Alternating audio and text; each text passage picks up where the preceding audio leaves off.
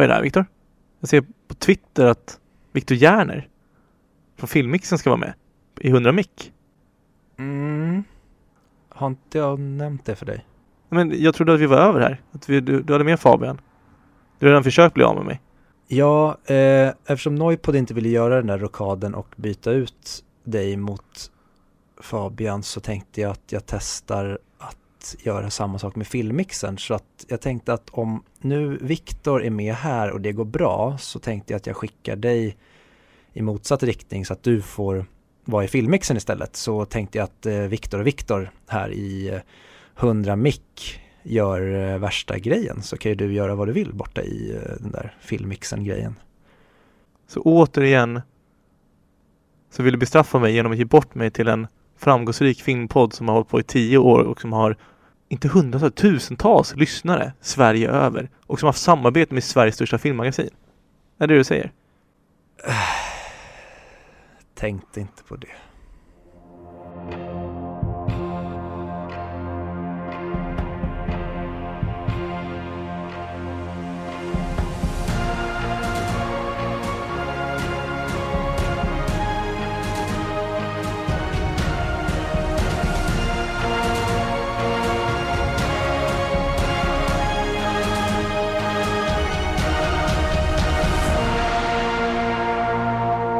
Hej och välkomna till 100 Mick, podcasten där vi pratar upp IMDBs topp 100-lista, men inte Charlie Chaplin. Idag så är det då placering 61 och vi ska prata om ytterligare en Stanley Kubrick-film och det har blivit dags för The Shining. Men eh, det kommer lite senare. Jag heter som vanligt Viktor och med mig som vanligt har jag alltid Fredrik. Fredrik. Och vi har en gäst idag, nämligen ytterligare en Viktor. Viktor Järner. Ja! Du får gärna presentera dig själv. Hej! Precis, Viktor Järner heter jag som du sa Viktor, så vi är två Viktor i podden idag. hoppas det, hoppas rösterna är tillräckligt distinkta så att man ska kunna hålla isär oss på något sätt, men det tror jag.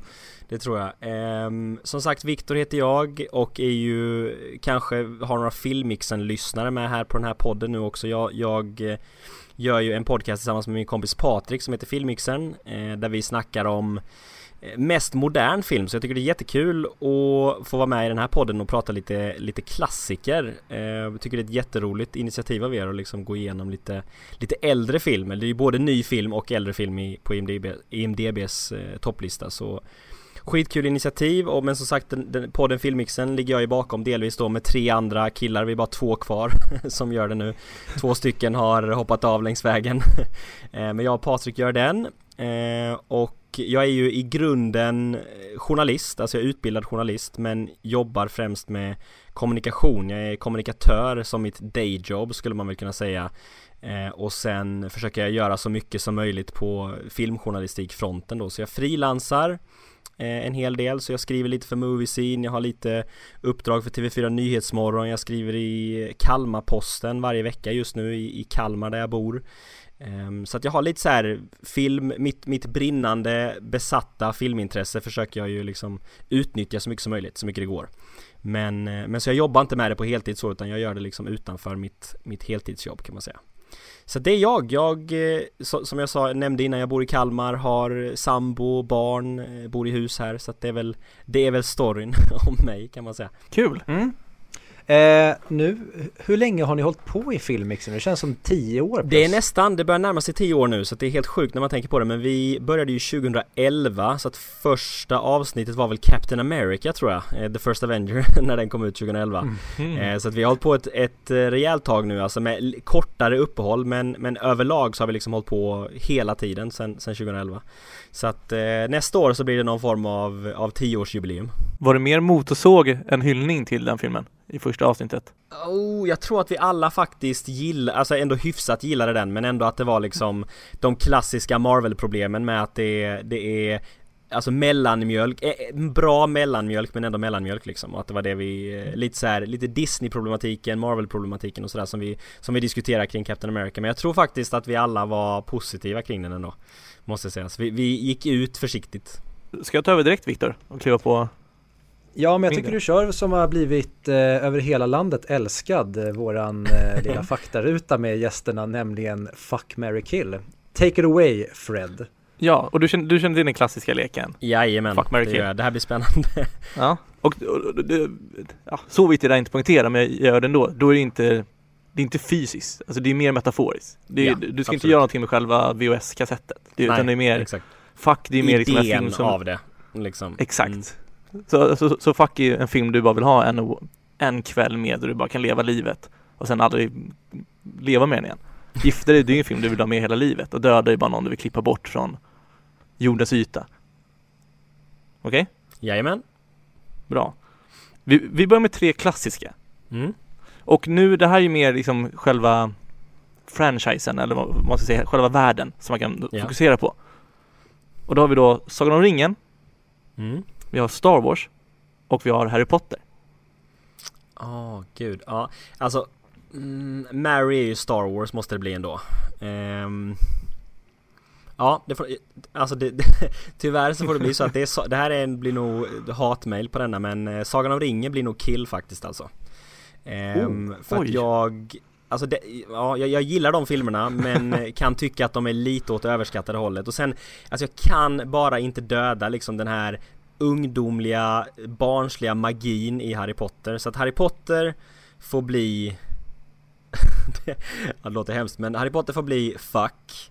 Eh, för att alltså jag älskar den liksom, jag, jag, jag, jag har problem med många Harry Potter-filmer Men känslan i de filmerna liksom, den här, den här ungdomliga magin är helt fantastisk tycker jag Så att den kör vi på det Och Mary får bli Star Wars för att det är bara, det, det känns som att vi hade haft en trygg och väldigt mys, vi hade förstått varandra Så det hade blivit en väldigt bra relation Men eh, bara för att upprepa så kommer ännu mer hatmejl. Du vill alltså döda Sagan om ringen? Japp, exakt. Ja. Vi, Oh. vi, vi, vi upprepar den.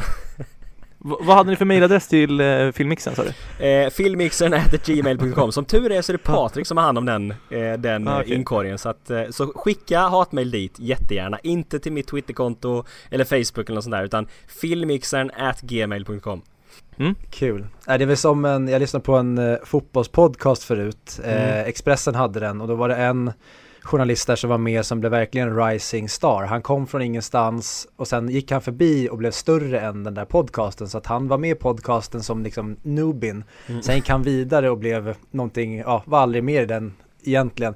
Men då var det alltid så, så fort det var någon minsta kritik eller någon sa någonting kontroversiellt, då gav de alltid hans mailadress.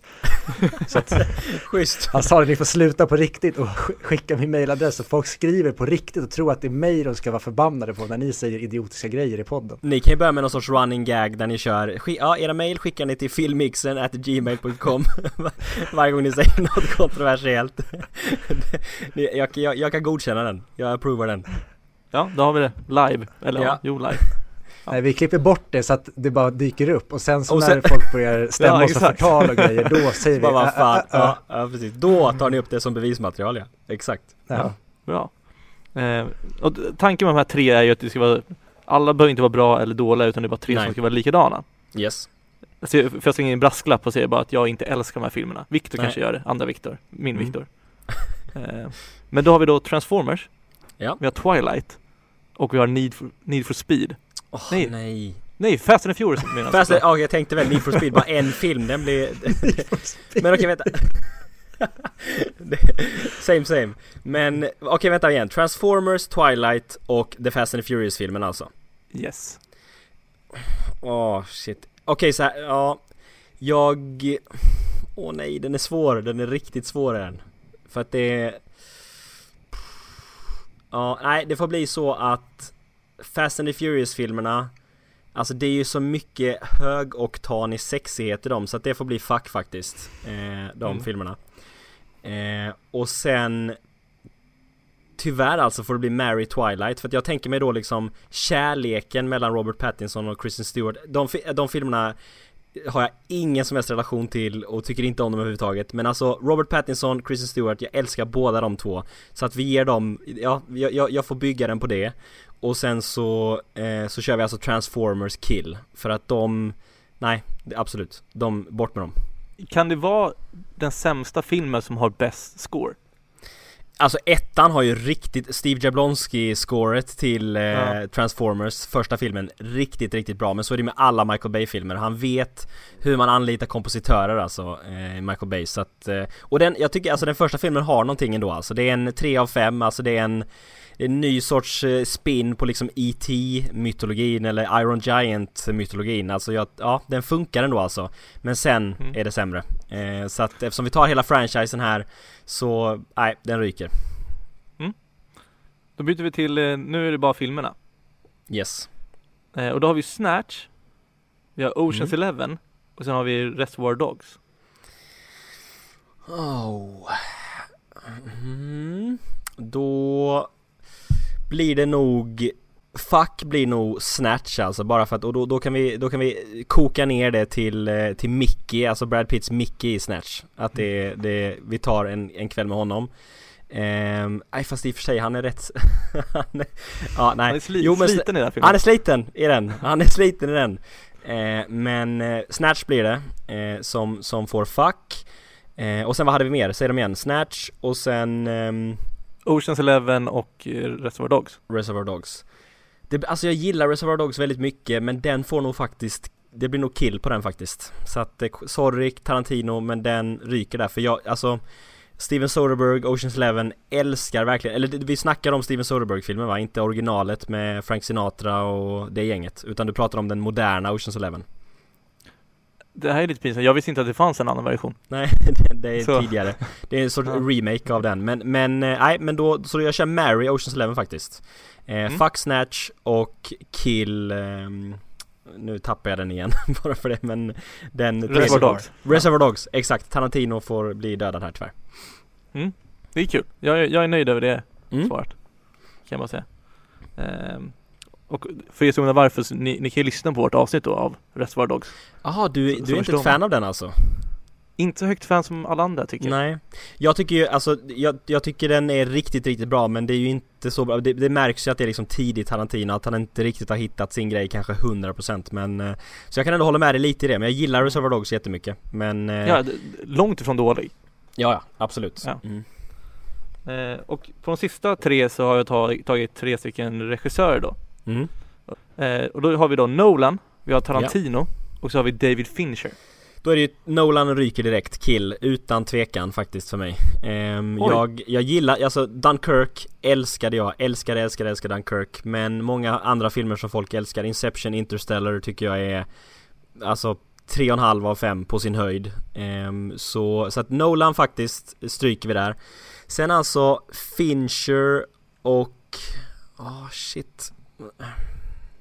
Fincher fuck faktiskt för, för det känns lite så, Tarantino känns lite så här sexual nightmare eh, på något sätt. Så, så Fincher får bli.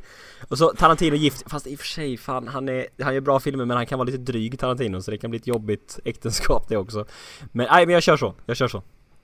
Men tänker du metaforiskt eh, fuck och marry? Eller tänker du nu mer direkt? Nu, nu eftersom det var personer så blev det mer eh, bokstavligt. Men om vi tar deras eh, bibliotek då? Okej, deras filmografier. Eh, Då är det ju, då, då känns ju, absolut, då, då känns ju Quentin Tarantinos filmografi sexigare än vad Finchers gör. Men, och Fincher känns mer, vad ska man säga, stabil, hantverksmässigt, eh, liksom perfektionist. Så ja, det blir Mary, i så fall skulle jag byta där. Alltså det blir Mary Mm. Fincher och Fuck Tarantino. Om man tänker mer metaforiskt filmografimässigt.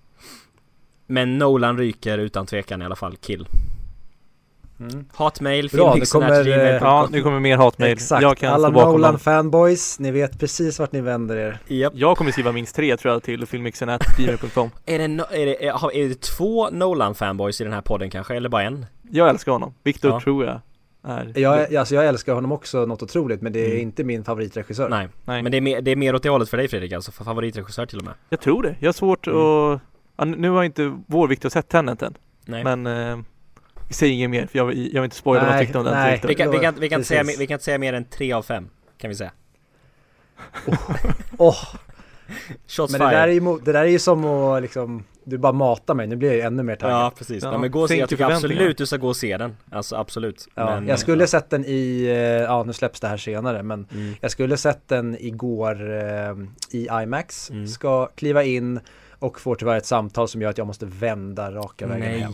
shit. Precis innan. Så det var Trist. verkligen så här, det här händer inte. Nej, får inte Det är hända. dags för liksom en, en Nolan, det känns liksom, jag ska få en ny liksom Inception lekar spy-film och sen så bara Tyvärr, du får vänta. Så att nu får jag se när jag Du hinner. ångrade att du inte körde liksom ljudlöst lite tidigare bara liksom innan du gick in i salongen eller så här. Bara på stör ej på telefonen. Aldrig önskat det så mycket. Nej, som då. Nej. Och nej, jag hörde inte, jag missade samtal. Ja. Kul. Precis. Yes.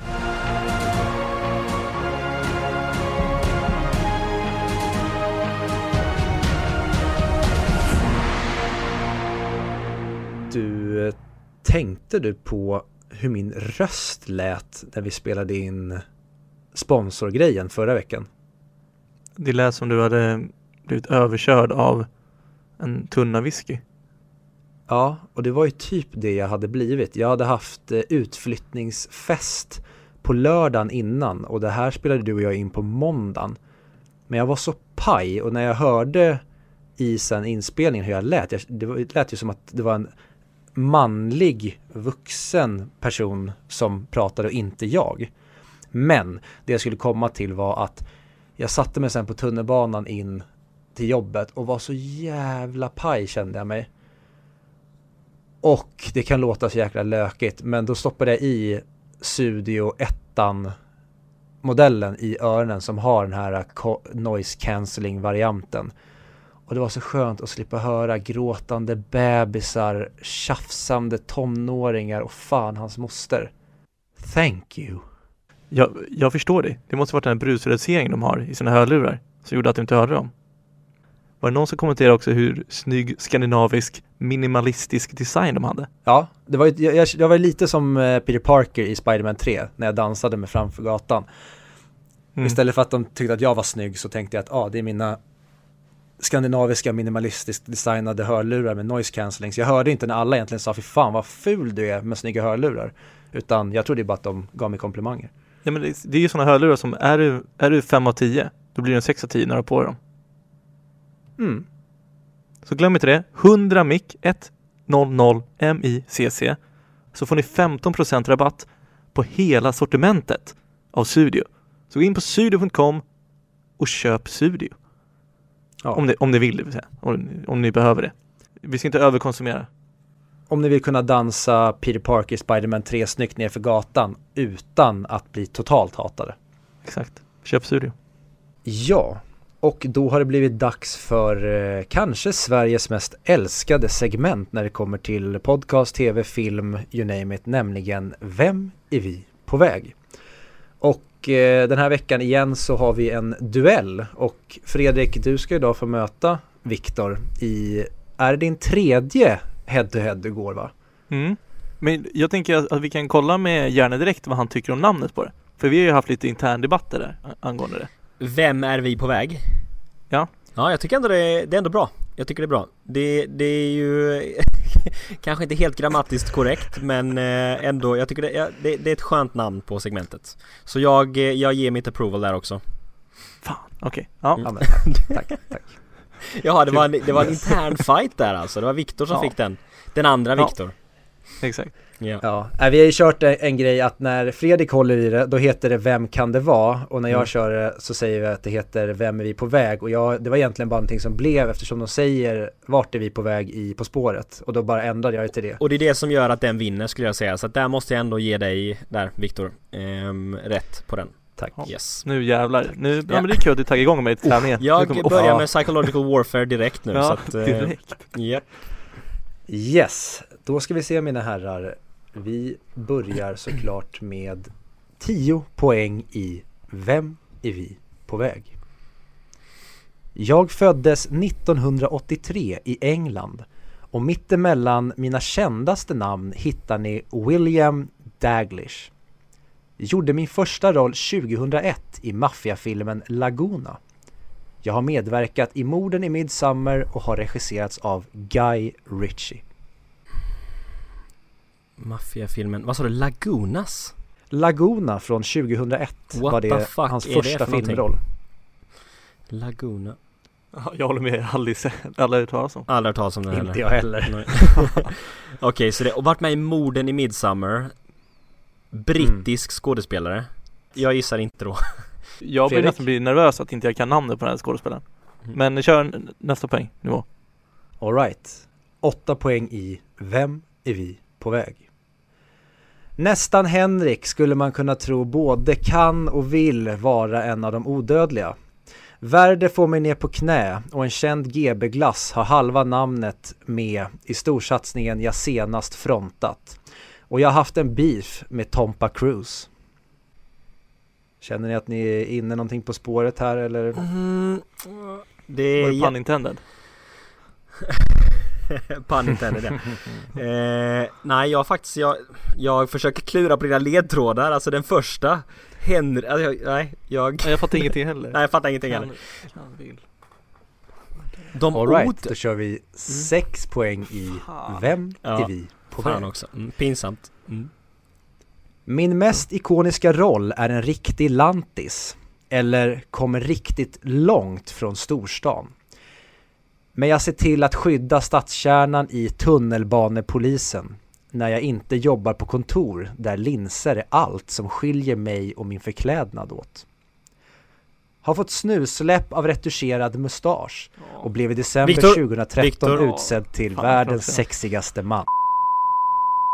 Jag hade faktiskt tänkt gissa på samma. All right. Alltså, jag, men jag hade inte ta, men ni hade inte ta Ja oj sorry du skulle, fan du skulle hinna ta Just Men, det. men, men det är Sorry. just, just mustaschen vet jag, för det kostade så jäkla mycket pengar eftersom han ville vara med i en annan roll ju. Men alltså Så att- Laguna, what? Har aldrig hört talas om Jätte... Ja.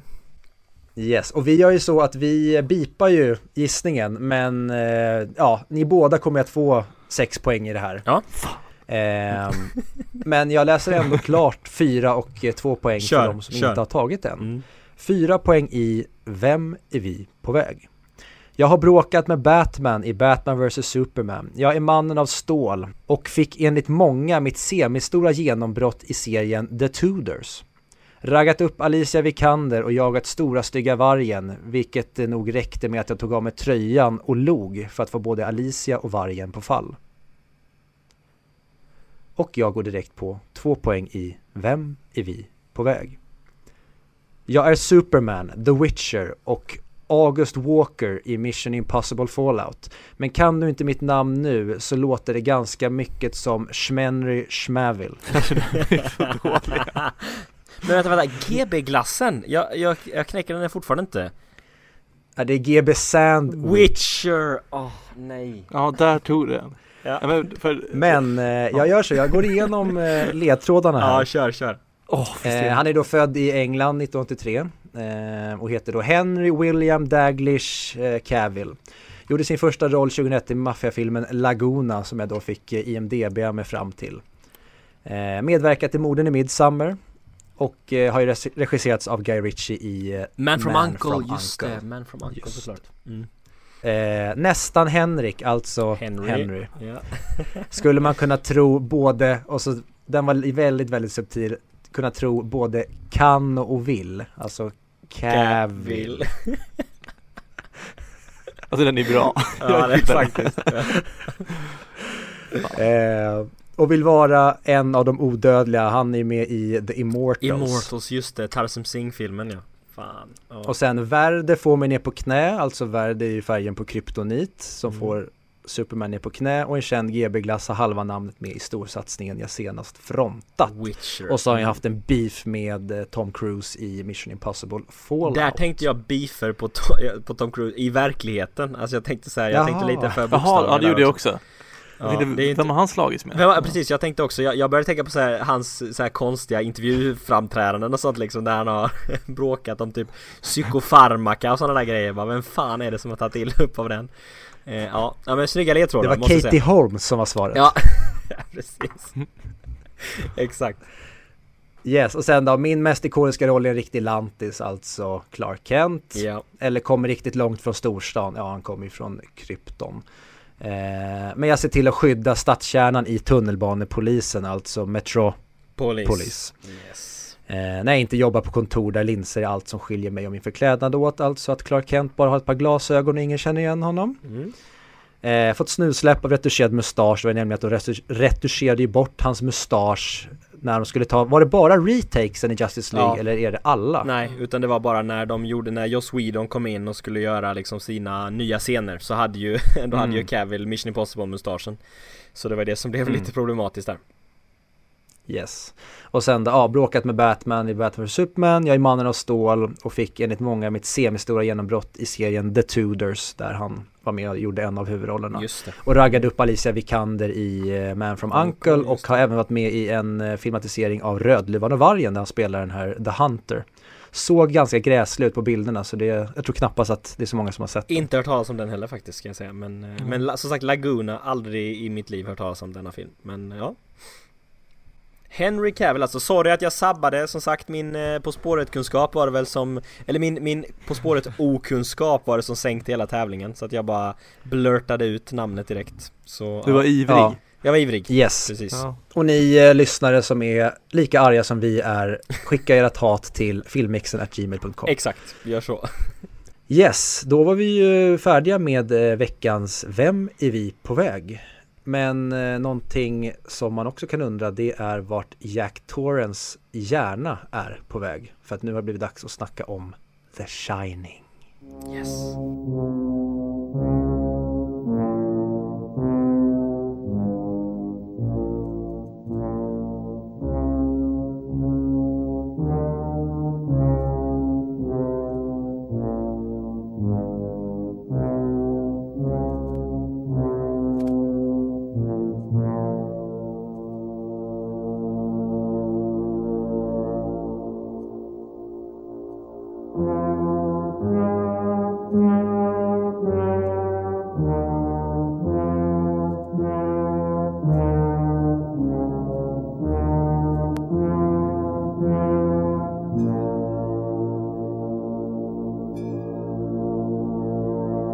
Yes, och då har vi äntligen kommit fram till veckans film, nämligen ytterligare en Stanley Kubrick-film. Den här veckan ska vi snacka om The Shining från 1980. Och den är då, som jag sa, regisserad av Stanley Kubrick. Den är delvis skriven av Stanley Kubrick baserad på Stephen Kings förlaga. Men eh, jag tänkte direkt att Viktor, eller jag behöver inte säga Järner, men Viktor Järner, du, du kan få eh, börja berätta med Egentligen, vad hade du för förväntningar? Hur var det första gången du såg The Shining? Och för jag antar att du har sett den fler gånger. Yes. Och hur var det den här gången? Vad hade du för förväntningar inför den här titeln? Jag kommer faktiskt inte ihåg, det är intressant det där, jag kommer inte ihåg första gången jag såg The Shining Men jag kommer ihåg att jag var ganska ung och jag vet liksom inte Såg jag hela The Shining eller såg jag liksom några ikoniska bitar ur The Shining eller så? Jag vet faktiskt inte riktigt men Jag vet i alla fall att jag hade, jag, jag kände till The Shining, alltså det är ju en så ikonisk Alltså en film som verkligen så här har blivit ett med populärkulturen liksom och det, den, den refereras till hur ofta som helst och det har verkligen absorberats i hela den globala populärkulturen. Så att man Även om man inte har sett The Shining så känner man ju till The Shining och liksom parodierna på The Shining och så. Och det tror jag jag gjorde långt innan jag såg The Shining för första gången men det jag kommer ihåg i alla fall att jag tyckte när jag såg Shining för första gången, alltså såg den för första gången hela filmen att jag jag hoppades på att den fortfarande skulle vara läskig liksom att det, för, för många skräckfilmer från, alltså som är lite äldre, nu är ju Shining inte så gammal, alltså det är ändå 80-talet liksom, det blir väl lite mer så här att det vattnas av när man rör sig liksom kanske ännu längre bak men, men även 80-talet kan jag tycka att 80, liksom 70-80-talet, de, de årtiondenas skräckfilmer, att de liksom tappar sin kraft lite med åren liksom, att modern skräck har ju gjort oss eh, van vid en viss nivå liksom på, på skrämselbitarna eller vad man ska säga och jag hoppades på att The Shining skulle hålla i det avseendet och det tyckte jag alltså. Jag blev Alltså kanske inte vettskrämd men jag tyckte verkligen den hade sin kraft kvar när jag såg The Shining första gången Sen så tror jag inte riktigt att jag förstod liksom storheten i den på det sättet som jag gör nu, alltså när jag sett den flera, flera gånger. Men det var liksom någonting i The Shining första gången jag såg den som gjorde att jag ville se den fler gånger. Och sen så har det liksom blivit att jag har sett den om och om igen och liksom byggt upp en relation med den här filmen Över tid. Ehm, så att, eh, så jag hade nog ganska Alltså förväntningarna var bara liksom att det skulle leva upp till den här populärkulturella platsen som den hade som jag, som jag kände till den som och det tyckte jag definitivt att den gjorde. Mm. Och eh, Federico, för mig är så, jag hatar ju skräckfilmer. Jag kollar aldrig på det. Eh, framförallt, eller egentligen inga skräckfilmer. Så jag hade inte sett den här. Oh! Oj, alltså det, du har sett den inför den här podden första gången alltså? Exakt. Fan vad Jaha. roligt, vilket intressant perspektiv här faktiskt Ja, det- alltså, den är, alltså, man är ju, jag vet ju ish hur den slutar, jag vet ju olika Ja. saker som händer. Bland annat har man ju sett den där äh, när, när vi var yngre så fanns det ju typ så här att de sammanfattade filmer på tre minuter med kaniner i huvudrollen. Ja, ex- eller Kommer du ihåg den? Med typ Hajen och typ Exorcisten, det, vart, fan, Exakt. vart var de? Jag kommer också Var ihåg inte de det apelsin.nu? Jo, Jo. så var det. Exa- jag kommer också ihåg dem. Med de skrikande, kan, så här jättegälla röster och grejer. Exakt. Ja, och den, precis den där de... Den har jag sett om The Shining tror jag. Just det, The alltså så här spoilers för hela The Shining. Ja, typ. Och det barn, för er som inte vet vad det är, det var alltså Youtube innan Youtube fanns. Exakt, apelsin.nu. precis. Mm. Klassisk sida. Ja. Nej, så mina förväntningar, alltså jag är ju jag, jag hade inte så höga förväntningar om man ska vara ärlig. Nej. Nej, intressant. Men, men alltså från ditt perspektiv, det här är ju intressant för att alltså bara som en lite, lite sidospår då alltså Erik, från de här kaninerna liksom hur, för du säger ju det nu också själv att du visste liksom hur The Shining slutar och du har liksom en bild av The Shining Om man skulle räkna bort liksom kaninvideon i det hela, alltså hur, hur kommer det sig? Är det liksom från andra referenser i andra filmer och sånt och sett eller hur känner du till The Shining liksom? Alltså jag vet inte exakt hur den slutar men jag, jag har ju sett Nej. den klassiska bilden, alltså ja, spoiler alert eller vad man ska säga nu, skitsamma. Men du vet, när han är frusen i slutet, den bilden Yes. har jag ju sett innan. Den är typ en om- GIF och meme nu väl, alltså så här, som, som Ja, folk använder exakt. mycket Ja, Så det är väl snarare så, sånt som jag har sett. Just men jag, vill- Mm. det är mycket som jag inte visste om också. ja okej Väldigt mycket. Mm. Viktor du då?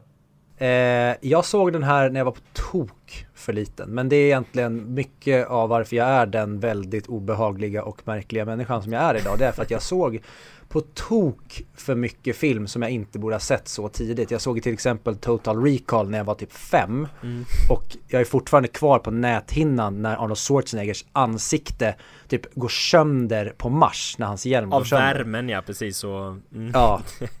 Så att sånt såg jag när jag var på tok för liten. Och The Shining var ju en sån film som vi hade hemma och så här, ja men det är klart jag ska ta och testa och titta på den. Mm. Eh, big mistake. Eller så kanske inte var det för att sånt här är det bästa och det värsta jag vet. Och jag har hållit The Shining som den bästa skräckfilmen som någonsin har gjorts. Och därför så var det jättespännande att se den igen nu för att jag inte hade sett den på ett par år om den skulle hålla måttet så Mm. att säga. Men det, det är en fråga jag har då. Räknas den som skräckfilm verkligen eller är det mer thriller? Definitivt skräckfilm skulle jag säga. Ja, Det är Alltså, det. ja, alltså just genremässigt att den har de här klassiska, just cabin fever grejen Alltså liksom paranormal grejer, alltså att det, alltså det är övernaturligt, det, jag tycker att den bockar av. Sen, sen kan man ju, alltså just som sagt skräck, ju längre du går bakåt i tiden Desto mer känns ju skräck som modern thriller typ, alltså det blir ju så att de Okej. Att de, är- alltså skräck var inte lika intensivt liksom. Men för mig är det ändå eh, regelrätt skräck, alltså just genremässigt så eh, Indelat som, som skräck, absolut en straight up ghost story liksom. Ja, precis. Del, och, så- och alltså en, en straight up liksom murder spree story också med yxan och liksom Ja. den här, alltså den, och, och, ju- och just det som sagt cabin fever grejen som också är en sån här klassisk trope i skräck, alltså att man blir isolerad någonstans, insnöad och shit goes down innanför väggarna liksom. Det är, det är väldigt så skräckgenre trope också. Så att jag, ja, definitivt skulle jag säga. Ja, den är nattsvart Ja, skulle man kunna säga. Absolut. från, från start är den nattsvart, vilket man märker när man, alltså det, det är ju en sån grej som man inte märkte när man såg den första gången tyckte jag att man, man möter ju liksom familjen Torrance i början på den här filmen och, och när, man, när man ser den när man är lite yngre så kanske man inte snappar upp liksom de här, den här enorma frustrationen och nästan hatet som Jack Torrance har mot sin fru och son redan, redan i början på den här filmen. Ehm, så att den, alltså den, den startar ju från en väldigt, väldigt mörk plats och sen blir det bara mörkare och mörkare och mörkare. Ja. Kan inte du bara dra innan vi dyker in i filmen, kan inte du bara dra egentligen premissen? Var börjar vi och vad egentligen, vad, vad berättaren för oss ska, att den ska handla om? Det, alltså det är ju storyn om familjen Torrance egentligen, så det är alltså Jack som spelas av Jack Nicholson och så är det ju, som är pappan i familjen då och så är det ju Wendy som spelas av Shelley Duvall och så deras son Danny då. Eh, så, den, så filmen centreras ju kring de här tre karaktärerna och sen är det ju då deras deras liv helt enkelt när Jack Torrance får erbjudande eller han blir anställd som, eh, som vaktmästare på ett enormt hotell eh, som ligger uppe i klippiga bergen, alltså så här verkligen snötäckta områden detta. Eh, men de stänger då under lågsäsongen, alltså under vintersäsongen så stänger hela hotellet, de har inga gäster Men någon måste vara där och liksom hålla koll så att hotellet är varmt, att liksom ingenting går fel eh, Och då anlitar de en vaktmästare då som då är Jack Torrance och han är ju samtidigt för detta lärare och författare så han ser ju liksom en chans att kunna sitta och skriva här i det här tomma hotellet och ha alla de här ytorna. Han ser den här isolationen och den här ensamheten där ute som någonting väldigt positivt. Men alla som har sett den här typen av film innan eller den här typen av cabin fever stories vet ju att den typen av isolation kan ju gå käpprakt åt helvete också rent psykiskt. Eh, och så blir det ju för Jack Torrance, alltså han åker dit med familjen, Wendy och Danny hänger på.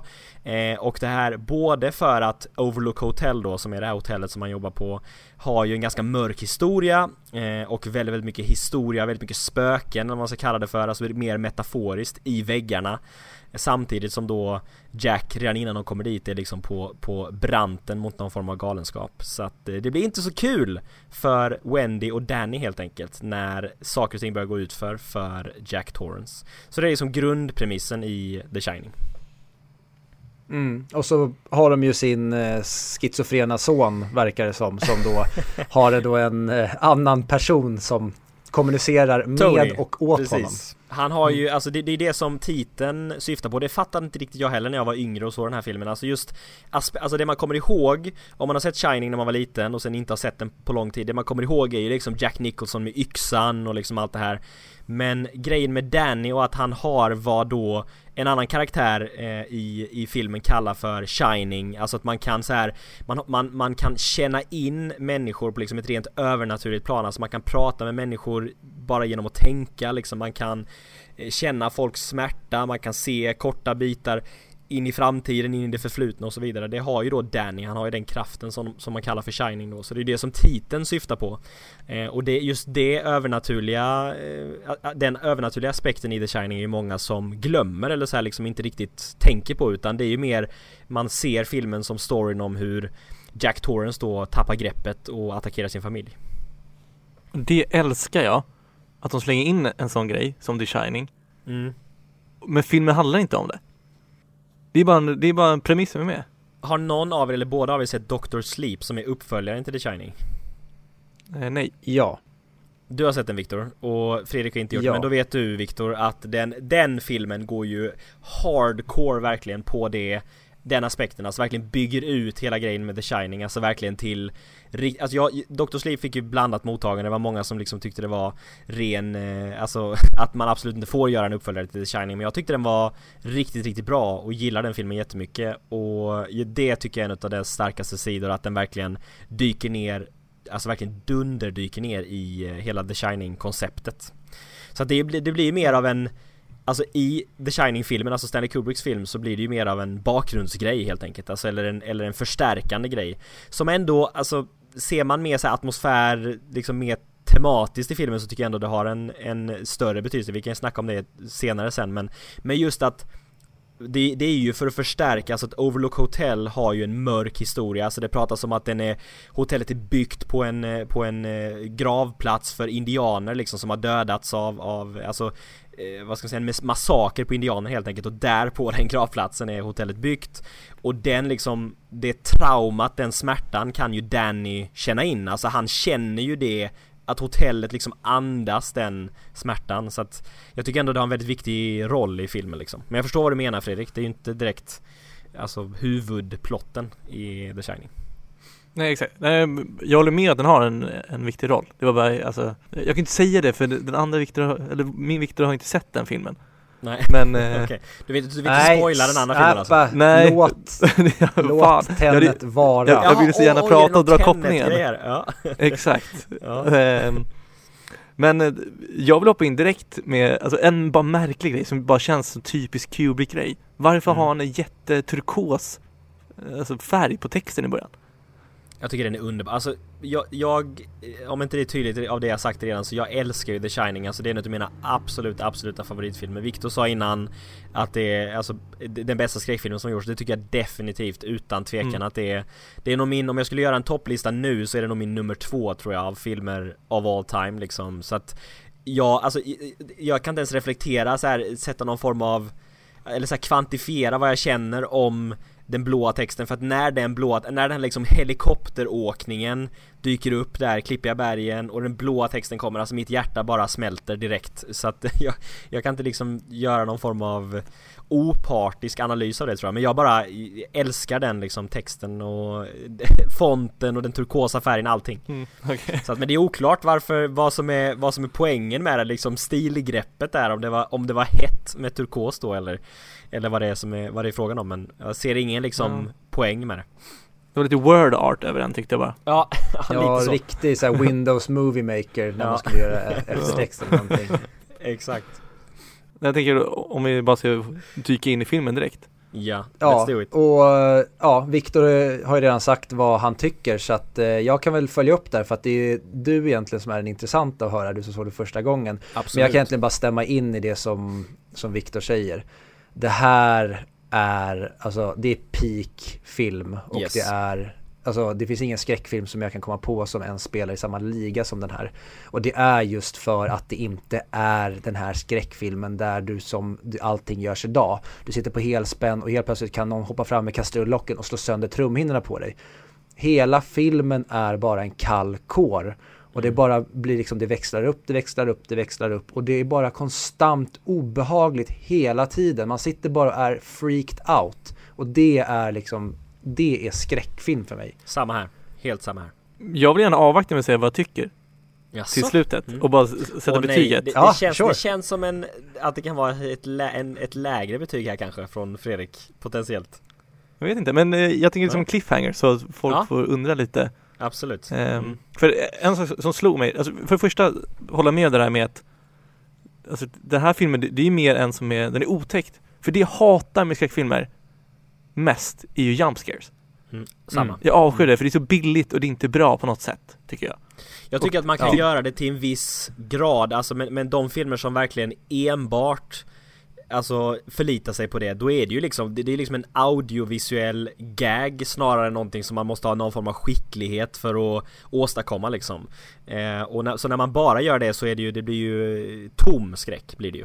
Ja, men jag kan inte slappna av när jag kollar på en film där jag vet att det kan, att det kan komma jumpscare. Och jag, jag vill kunna slappna av och njuta av filmen. Oavsett ja, om det är en så. otäck känsla jag får i kroppen, som The Shining nu ger. Eller om, eller om det är en Avengers-film, eller vad som helst. Mm. Alltså, men är det, jag, skulle du säga, skulle du säga att det är, alltså när du sa att du, du ogillar skräck, alltså är det för att det, det är den här känslan att du sitter på helspänn eller du gillar inte det liksom du vill kunna njuta, du, du kan inte slappna av liksom när du ser på modern skräck om man säger Alltså Paranormal Activity eller Insidious eller Sinister eller någonting sånt Ja, dels det och sen så tycker jag det är alltid bristande logik i de filmerna okay. Som jag stör mig på mm. Intressant. Ja, för att jag, mm. jag kan ändå gilla, alltså jag kan ju gilla Sinister exempelvis. Alltså jag kan gilla den typen av, alltså när man bara ser den mm. som en, som en sorts ride liksom, där man går in i en biosalong och så bara vill ha de här liksom pulshöjande jump scare momenten liksom, där man verkligen känner att man lever när man går ur biosalongen. Jag kan finna ett värde i det också, men precis som den andra Viktor här då så, så tycker jag ju att, alltså min typ av skräck är ju den här liksom skräcken som med alltså bra manus och liksom en, en, en stark mm. atmosfär lyckas bygga ett obehag som verkligen kryper under skinnet på dig och sen stannar där när filmen är klar, liksom när eftertexterna rullar. Att det är någonting som... Exakt. Sinister är ingenting jag går och tänker på när jag sett Sinister utan det är liksom som en, som en berg och dalbane-ride i biosalongen då de två timmarna medan The Shining är en film som hänger med mig for life liksom. Eh, och det är det som är skillnaden då tycker mm, jag. Det, det är mer en fuck-film Sinister medan The Shining är mer en Mary-film. Eh, ja. ja, Mary-film. Exakt, helt rätt. Om vi, om vi återkopplar till det. Om vi återkopplar till den, absolut. Ja den är ju alltså, den är ju så bra så att man både vill marry och döda den. Ja, både och, precis, för den har ärrat den också. Så att man vill liksom retroaktivt döda den kanske. Ja. Men eh, om vi nästan kan gå till ungefär början då. Jag hade ju typ glömt bort inledningsscenen, eller inledningsscenen är det verkligen inte Men hela inledningen med det här hur han får jobbet och när mm då var, jag kommer inte ihåg vad han heter bara därför, men han som då förklarar bakgrunden till hotellet och egentligen arbetsuppgiften.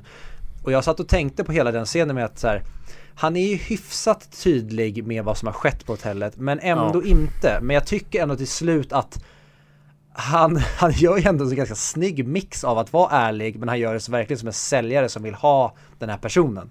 Och sen är han ju smart, alltså han säger det, Jack Nicholson, ska, alltså Jack Torrance säger ju det att eh, Jag fattar varför inte dina, dina kollegor tidigare har sagt detta till mig för han har liksom gjort den här Vad är det han säger? Tre och en halv timmes drive upp dit till Klippiga bergen och då är det så här det är lite den här grejen med människor att har man investerat tid och sånt liksom Då går det inte att backa ner sen utan han är för djupt i det För att tacka nej till jobbet trots att han får reda på vad som hände med Grady och hela Alltså före detta yxmordet liksom. Ja. Ja för där Det känns så casual hur han berättar den storyn har jag skrivit ja, ner absolut det tycker jag var kul. Ja, han försöker ju verkligen avdramatisera det och få det verka som att det är inte en så big deal som det egentligen är. Alltså, Nej. han högg ihjäl sin familj och så, men äh, liksom, vi, det, är klart du ska jobba för oss. Alltså, det är en, en, en säljare som sitter där och försöker locka in en desperat man som eh, uppenbarligen, om man bara tittar honom i ögonen, inte är vid sitt sinnesfulla bruk. Exakt. Men och det, och det är också, många tycker att The Shining, alltså typ som den här scenen då som du sa Fredrik, att, den, att det känns cash, att det är så här tonmässigt konstigt eller vad man ska säga och jag tror att det är ju det beror ju lite på hur man ser The Shining för att slutscenen i The Shining eller hela grejen med att den här hinten om att Jack Nicholson eller Jack Torrance kan ha varit, alltså att han är fast i det här hotellet i någon form av loop liksom eller sånt där eller hur man, hur man nu ska tolka det att han har liksom absorberats i det här hotellet. Så att då när man väl får den på slutet så kan man ju börja ifrågasätta hur bokstavligt är det här egentligen liksom. Har han alltid varit fast på det här hotellet? Alltså Upplever han detta på riktigt eller vad är det som händer liksom i, i den här scenen? Alltså det är ju det som är frågetecknet. Och det, för det, så det är ju varenda möte, alltså även innan de kommer till Overlook Hotel är ju väldigt tonmässigt konstiga möten liksom. Um, så att men jag tror att det finns lite av en förklaring där beroende på hur man ser filmen.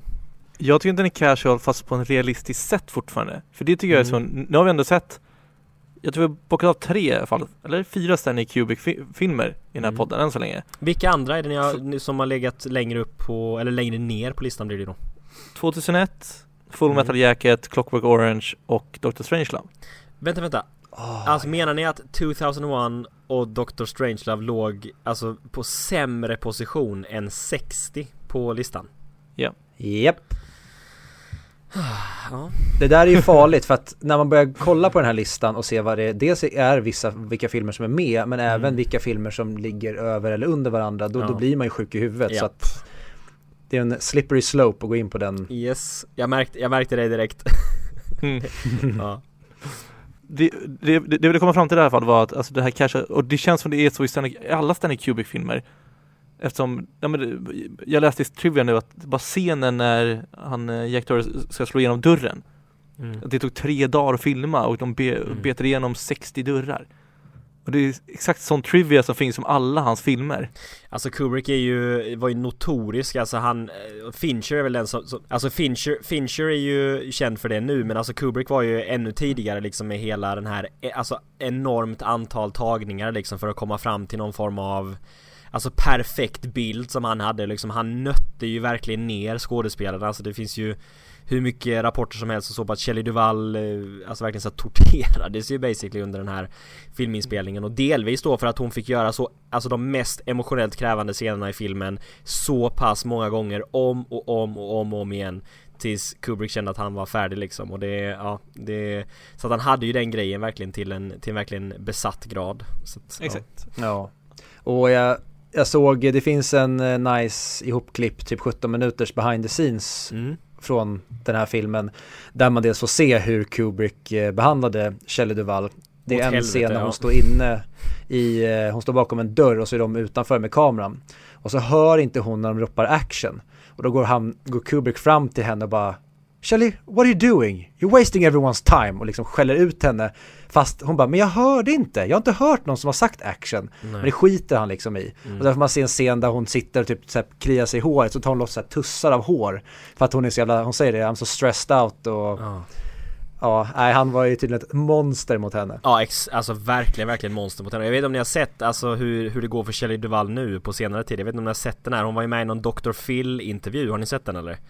Alltså Nej. hon är ju, hon är ju tot, alltså verkligen så här psykotiskt sjuk alltså hon är så här, tr- alltså tror ju typ så här på utomjording, alltså verkligen Kolla in den intervjun. Alltså, den har ju fått jätte, jättemycket kritik för att Folk tyckte det var, det var helt fel av Dr. Phil att liksom ta med henne i någon sorts tv-intervju, något sorts tv-framträdande liksom som en Ja, de menar att, att han använder henne som någon sorts freak liksom så här i, i det gamla ordets, alltså i ordets gamla bemärkelse och liksom visa upp henne för, för världen när folk bara känner bara den här kvinnan behöver hjälp liksom. Hon är verkligen illa däran. Så att vissa har ju liksom dratt någon form av koppling till att Shelley Duvall har haft rätt tuffa rollprestationer genom åren och kanske allra mest att hon blev totalt torterad av, av Stanley Kubrick. Jag, jag tror inte att det är det som har lett fram till det men det blir en sorts avsmak i munnen när man tänker på hur Shelley Duvall mår nu, alltså hur illa däran hon är verkligen. Och Mm. då när man vet hur Kubrick liksom, hur illa hon hade det under The Shining-inspelningen. Exakt. För det är ju samma sak, Jack, eller det, nej det är inte samma sak. Men en, en annan sak också, det är att Jack Nicholson Han blir ju bara matad ostmackor vilket han tydligen hatade. För att bygga Ja. upp den här irritationskänslan. Frustrationen. Ja, frustrationen. ja. Det var kul. Så det är ju det, man ser ju, alltså det, det, det som är så konstigt är att även om eh, Kubrick, även för i Jack Nicholson fallet, alltså han jobbar ju så liksom att han försökte få fram de här känslorna i sina skådespelare på olika sätt. Och då är det liksom olyckligtvis så är det ju Shelley Duvall som har den, den tuffa positionen där för den känslan han måste få fram i henne är liksom förtvivlan, sorg, total skräck liksom och medan i Jack Nicholson så är det en sorts frustration och galenskap liksom som och, och i Danny tydligen, alltså i fallet med Danny Lloyd som spelar Danny så var ju Kubrick liksom jättesnäll mot honom liksom och verkligen skyddade honom från alla skräckelement liksom och eh, sa till honom att det var någon form av familjedrama som de spelade in, alltså verkligen så här skyddade honom från alla sorters trauma liksom. Och sen Shelley Duvall så bara fuck it, jag tar det till sin yttersta spets, alltså det känns så himla konstigt men det var väl hans grej liksom att han behövde, han tyckte att han behövde den prestationen från henne och då liksom skyddade han inga som helst medel för att få fram den. Och det är ju, ja, extremt problematiskt skulle jag säga. Men, men resultatet, alltså Kjell Duvalls prestation är väldigt omdiskuterad. Det är en av de mest omdiskuterade grejerna i The Shining. Alltså vissa tycker att hon är mästerlig, liksom en all-timer prestation. Jag inkluderat. Eh, andra tycker att den är totalt överspel, liksom att den, den är, hör inte hemma i The Shining liksom, stämmer inte överens med tonen i resten av filmen. Men så att det är en väldigt vattendelare hennes prestation. Oj, jag tycker verkligen den är otrolig. Ja, helt Jag otroligt tycker jag också. Ja. Yes. Mm. Nej, samma här och det är man kan egentligen prata om men just den här treenigheten med både Danny, Jack och eh, Wendy. Alltså vad Kubrick gör där och vad han får till. Alltså det Ja. är ju verkligen Alltså galna familjen som är på liksom resort med hela Exakt. jävla Ghost-hotellet. Det blir ju, Precis. de passar ju perfekt in där alla tre. Mm. Och ändå så tycker man så mycket om dem. Och alla skådespelare, alltså då med hjälp av Kubrick, alla går ju för det så jävla hårt. Alltså det, det är liksom Ja. Det är ju over the top eh, skådespelarprestationer, det är det ju absolut. Alltså det, och sen antingen gillar man det eller så gör man det inte, men det är ju det Kubrick vill ha. Alltså Jack Nicholson spelar ju liksom inte bara galen utan verkligen så här riktigt spritt språngande galen, alltså verkligen till sin, att maxar upp det till 12 liksom. Och samma då med Shelley Duvall när det gäller skräcken i henne, alltså det är ju, hela filmen är ju maxad på många sätt men jag, jag älskar verkligen det alltså med den, att den är så bombastisk liksom i sitt skräckberättande. Ehm, så att, men det är lite så här, som sagt lite omdebatterat och omdiskuterat så. Även Jack Nicholsons prestation liksom, är den överdriven eller liksom funkar den eller så? Jag tycker det är Alltså antagligen Jack Nicholsons allra bästa prestation och det säger en del alltså med tanke på hans filmografi och karriär liksom. Jaha, alltså det är alltså folk som tycker att det är för mycket överspelat här. För, för jag Yes. kommer ihåg, n- när vi pratade om Reservoir Dogs så tycker jag att det var Där tycker jag att det var lite överspelat. Mycket Från- Från typ eh, Michael Madsen och eller Ja men framförallt Eller i från bilen. alla egentligen. Mm. Ja men Ah, framförallt okej, i bilen, Mm. skottskadan. Det tycker jag Mm. känns Känns för, mycket teater för mig, Mm. snarare än film. Precis. Men i den här, alltså med Kubrick generellt så tycker jag att allt är genialiskt bra gjort av skådespelarna och skådespelarna. Alltså jag förstår ju grejen med att man kan tycka det är överdrivet och liksom teatralt och så men och sen och det, det beror ju Frågan är ju liksom hur hur man ställer sig till det, hur man tycker att det fungerar. Alltså jag tycker att det fungerar oerhört bra. Så från mitt perspektiv så är det ju Alltså verkligen det filmen behöver och liksom den världen som filmen utspelar sig i. Det, ja, så tycker jag mm. definitivt. Men jag förstår de som tycker att det är overkill, alltså absolut. Okay. Jag förstår för att eh, jag, jag håller med det ni säger. Jag älskar varenda prestation i den här mm. filmen men jag kan också förstå de som tycker att, den är, att de är over the top. Och det ja. tycker jag, men det tycker jag är en del av briljansen framförallt Absolut. i Jack Nicholsons prestation. Mm. Det här med att han är han nästan driver med rollen. Alltså han är så jävla fucked up in huvudet, alltså i huvudet Exakt. att det blir nästan som att säga, men du tar inte ens det här på allvar längre. Du är ju bara nu är du ju bara ute och försöker typ sabba för allt och det är bara, alltså det är så perfekt i hans och hans grimaserande och liksom allt det där med ögonbrynen och liksom Det är så himla verkligen Han, han skådespelar ju med varenda muskel i ansiktet ja. liksom i den här filmen eh, Väldigt medvetet ja. Men bara det finns, det finns som egentligen Det finns så mycket att prata om i den här egentligen Men en grej som jag inte mindes verkligen Det är hur alltså Kubrick Eller Kubrick hur, Alltså den är så väldigt mycket en Kubrick-film ja, i verkligen sin renaste form. Om bara kolla mm. på typ färgerna från 2001 kontra den här, Absolut. hur han liksom inreder rummen med scenografin och Typ tapeterna och det liksom hur Alltså ja. varenda jävla rum är ma... Alltså ja, det, jag, jag förstår precis vad du menar Heltäckningsmattan ute i mm. korridorerna Exakt Och jag tycker ju, vi kommer säkert kunna prata hur många scener som helst Men den scenen som verkligen gör det för mig Det är när Jack ska gå upp och kolla i hotellrummet i badrummet vad det är som har skadat Danny. 237. För att det är Mm. Jag har aldrig sett någonting som berör mig så långt ner i ryggraden. Det är så Nej. otroligt obehagligt. Speciellt nu när man vet, när jag visste vad som skulle ske. Yes. Jag visste vad hon skulle alltså, ända upp som. Då är det bara så här, nej, nej, nej, jag vill inte det här. När man vet ja. vad som kommer hända med den här snygga tjejen liksom och att det inte, att det är liksom en, en hägring bara och att sanningen liksom är ganska mycket mer rutten om man ska säga så. Ehm, ja. Och även där, alltså scenografin i det här badrummet, liksom det här gröna badrummet, oh, duschdraperiet, oh, det är för mig också bara total perfektion alltså. Jag skulle inte, alltså skulle inte röra en bildruta liksom om jag, alltså satt med den här filmen, det är, nej, total perfektion. Nej. Ja, det var en fruktansvärd scen. För jag som inte visste vad som skulle komma. Nej, exakt. Kan jag säga. Ja. Precis. Nej, jag är så det. glad för att, du, att det här är första gången för ja, dig, för verkligen. det måste varit, det är hår, måste varit hårresande. Mm. ja, det var, det var en hemsk upplevelse. Mm. Skulle du säga att detta är en av de värsta? Jag skulle ju säga att alltså, när jag såg den första gången var nog detta den, den värsta scenen faktiskt. Även om det kommer en hel del annat crazy shit också och skräckelement och så men scenen i 237 alltså det rummet tycker jag nog tar priset ändå va? Det håller jag med om. För det var ju fortfarande inte läskigt men det var fortfarande otroligt obehagligt. Ja, Eller läskigt på ett obehagligt sätt kanske snarare. Så ja, och efter det vill man ju alla att de skulle gå nära i rummet för då visste man att det var mer som skulle kunna hända. Mm. Så Absolut. kände jag i alla fall. Ja. ja. Men vad tycker ni? Vi har snackat om liksom obehaget i filmen. Alltså vad, vad är det mer konkret alltså för er som Som kryper under skinnet? Alltså för mig är det ju jag vet inte alltså, jag har ju, alltså jag är inte en, en människa som har problem med liksom klaustrofobi, riktig klaustrofobi i ordets rätta bemärkelse, alltså så här att trånga utrymmen eller så liksom, det är inte något som jag har några större problem med men Alltså den klaustrofobi som Kubrick får fram i The Shining, alltså tycker jag är den otäckaste sortens klaustrofobi.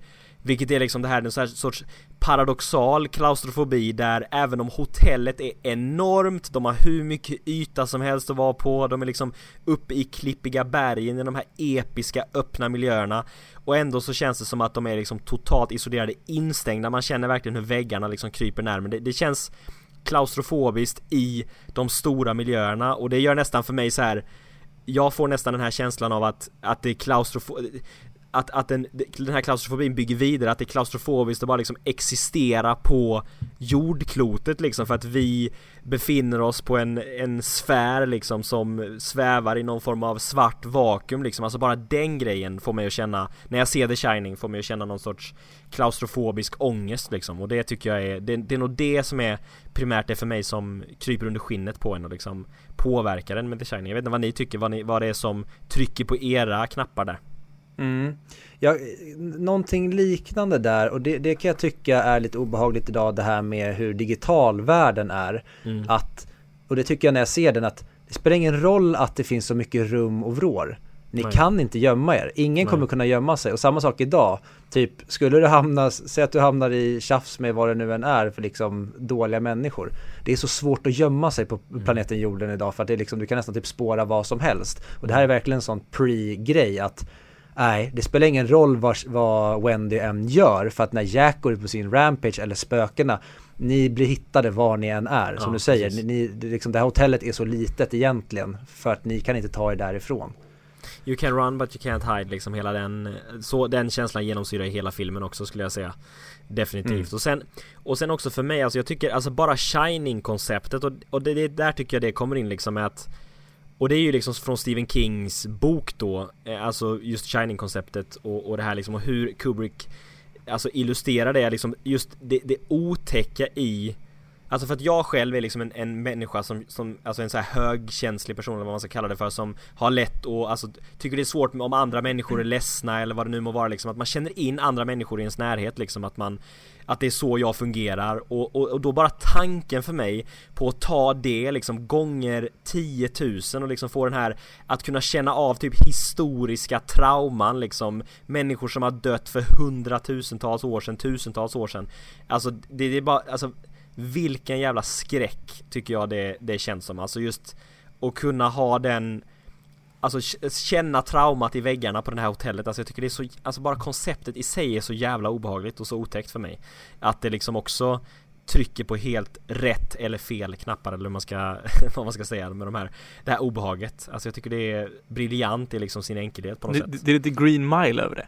Absolut, också den, precis och det är också Stephen King, Mm. alltså han, Stephen King har ju utforskat detta i många verk liksom det här med folk som är övernaturligt överkänsliga eh, och liksom kan snappa upp människors trauman och liksom och det är ju någonting som, som Stephen King gillar att utforska och jag tycker att det är liksom jag tycker det funkar så jävla bra i The Shining, även om det inte får, är- att det inte får så mycket speltid så känner man det på Danny, alltså bara det när han liksom åker runt i de här korridorerna liksom och med de här Grady-tjejerna och liksom allting, alltså just att han kan Alltså han, han absorberar det i kroppen liksom Vanliga människor, de går i de där korridorerna liksom bara, ja ah, men fina tapeter, nu ska vi ha en nice skidsemester här eller vad det nu må vara liksom Men för Danny så är det Alltså han bara känner lidandet och misären liksom som sitter fast i väggarna och det, ja Alltså känns som ett, som ett liksom En hemsk situation tycker jag Ja men exakt. Men Ja. sen, sen tänker jag också, för ni pratade om att det känns vä- väldigt, Klaustrofobiskt och, men Mm. den känslan som jag fick nu när jag såg filmen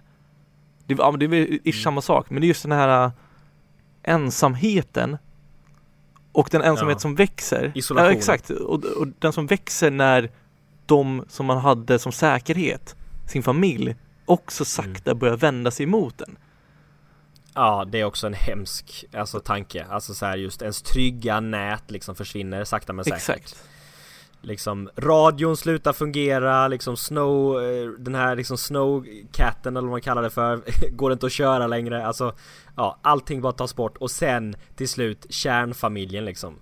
Ja, fy fan. Ja, och jag tycker Förutom, den är inte obehaglig på samma sätt men det kanske tycker jag är filmens bästa scen. Det är ju när Jack börjar liksom, när de går upp för trappan och slutar med att Wendy slår honom i huvudet med basebollträt. Ja. När han verkligen liksom snappar och bara Han säger Baby I'm not gonna hurt you I'm just gonna bash, Bash your you." head in Ja. Underbar replik alltså. Ja. Ah, Och att han bara, när han, han viftar med armarna bara Ja. Han är bara såhär, åh, bara sluta Alltså, veva hans- med basebollträ Ja, och hans liksom det här minspelet och det liksom hur han, ja, Jack Nicholson är ren perfektion alltså i den här filmen, i varenda jävla bildruta alltså det är Han verkligen lever ju den här karaktären på något sätt och ja, jag håller med, den scenen är fantastisk. O- Obehagliga scenen tycker jag är ju när hon läser på hans papper. Ja, bara den, det är också en så jävla obehaglig tanke och ett så obehagligt koncept att han har suttit där och, alltså han är så jävla galen Att han har suttit där och nött med sitt skrivprojekt och så har han bara skrivit samma rad om och om ja fruktansvärd tanke. Alltså jag har rysningar nu bara. Alltså det, det är så obehagligt när bara tänker Att det på det. inte bara är att han har skrivit lika linjärt jämt, utan det är olika lekfulla liksom, typ, eh, alltså stycken. På vissa ställen har han skrivit dialog men att det är liksom samma ord och alltså all work and Ja. no play make, ma- makes Jack a dull boy och liksom olika formatering har han fått till liksom. Men innehållet, att det är det, så- ja, det är, det är en fruktansvärd Men det är väl samma tanke. scen? Exakt. Det är väl inledningen på den scenen som Ja, det är, slutar sam- med det? det är samma scen, exakt. Hon bläddrar, fortsätter ju Ja. bläddra och då ser man de första papperna ser man ju bara att det är samma linjer och sen tar ju fler och fler papper och då ser man liksom olika formatgrejer, indrag, som manusdialog ser det ut Mm. som på ett ställe men allting och sen lite felstavningar här och där men annars är det ju liksom intakt Ja. att det är all work no play. Och just som ni säger, den tanken är så jävla otäck att han liksom i hans flippade värld så har han suttit där och tror att han har producerat någonting liksom och han är så jäkla Alltså borta i huvudet att han bara sitter och alltså bara matar den Den linjen text liksom, ja, det är fruktansvärt Men det- men det är bara alltså. så- Alltså, tänk om Ja. du kommer och ska spela in podd och sen så sitter Patrik där. Och sen så kollar man på hans anteckningar Ja. och då finns det bara 40 sidor A4 på Word med samma line. Vad hade man gjort? Exakt, med samma line Ja men det är bara ringa, ringa vita bussen direkt alltså som får komma och hämta honom så det ja Det är en dead, dead giveaway Nej, det är nästan så att jag skulle bli hämtad själv. Ja, exakt. Va, är det jag, då hade man ju såhär bara Fan, är det, är det min, mitt huvud som fuckar med mig? Kan inte jag se vad det är som står i dokumentet? Ja. Eller är det Patrik som har skrivit samma, alltså vem är det som har blivit galen av oss två? Det är det som är Ja. frågan också Det, ja. Verkligen. Ruskigt Men jag tänkte på det också. Vi har pratat om eh, Shelley Duvall och om Jack Nicholson nu, men jag tycker Yes. ändå alltså vad är det för jävla prestation av Danny? Mm. Danny, ja Det är underbar också Alltså jag, jag, jag mår så, och det är just det som du pratar om, det här att kunna alltså, känna så mycket. Mm. När han får sina de här visionerna och håller för ögonen och allting sker, Mm. jag får sån otrolig ångest för ett Ja, barn. samma. Alltså att göra det och inte bara att Stephen King skriver det, för det har han gjort så många gånger, skrivit väldigt, väldigt obehagliga roller. Men Mm. hur Kubrick ändå porträtterar det här, så, alltså man sitter där och bara, man mår så jävla dåligt för den här pojkens skull. För det är ju sån här o, alltså liksom oskulden och osk, alltså det, det oskyldiga barnet liksom som får uppleva det här liksom ultimata traumat som det, som, alltså det som har skett på det här hotellet alltså den tanken är också, eh, alltså verkligen så här fucka med ens huvud liksom för att det är så mycket att ta in. Och det tycker jag också by the way, alltså för att ta om Dr. Sleep, att de förvaltar det på ett jättebra sätt i Dr. Sleep tycker jag också. Att de gör att de liksom, det som Danny får uppleva, hur det påverkar. För att han är ju i, i början på Dr. Sleep är han ju världens alkis liksom. Han är ju totalt avdankad och liksom har blivit sin pappa basically. För, förutom att han liksom har totalt tappat greppet om sitt psyke. Men Alltså alkoholist och verkligen på, på ruinens brant liksom. Så det tycker jag man har förvaltat bra där och att det Men jag håller med dig Viktor, alltså den prestationen av Danny. Alltså Barnprestationer är ju generellt någonting, jag vet inte, det- har ni säkert pratat om i flera filmer Alltså kring flera filmer här men Det är ju något som kan sänka en hel film, alltså en riktigt dålig barnprestation.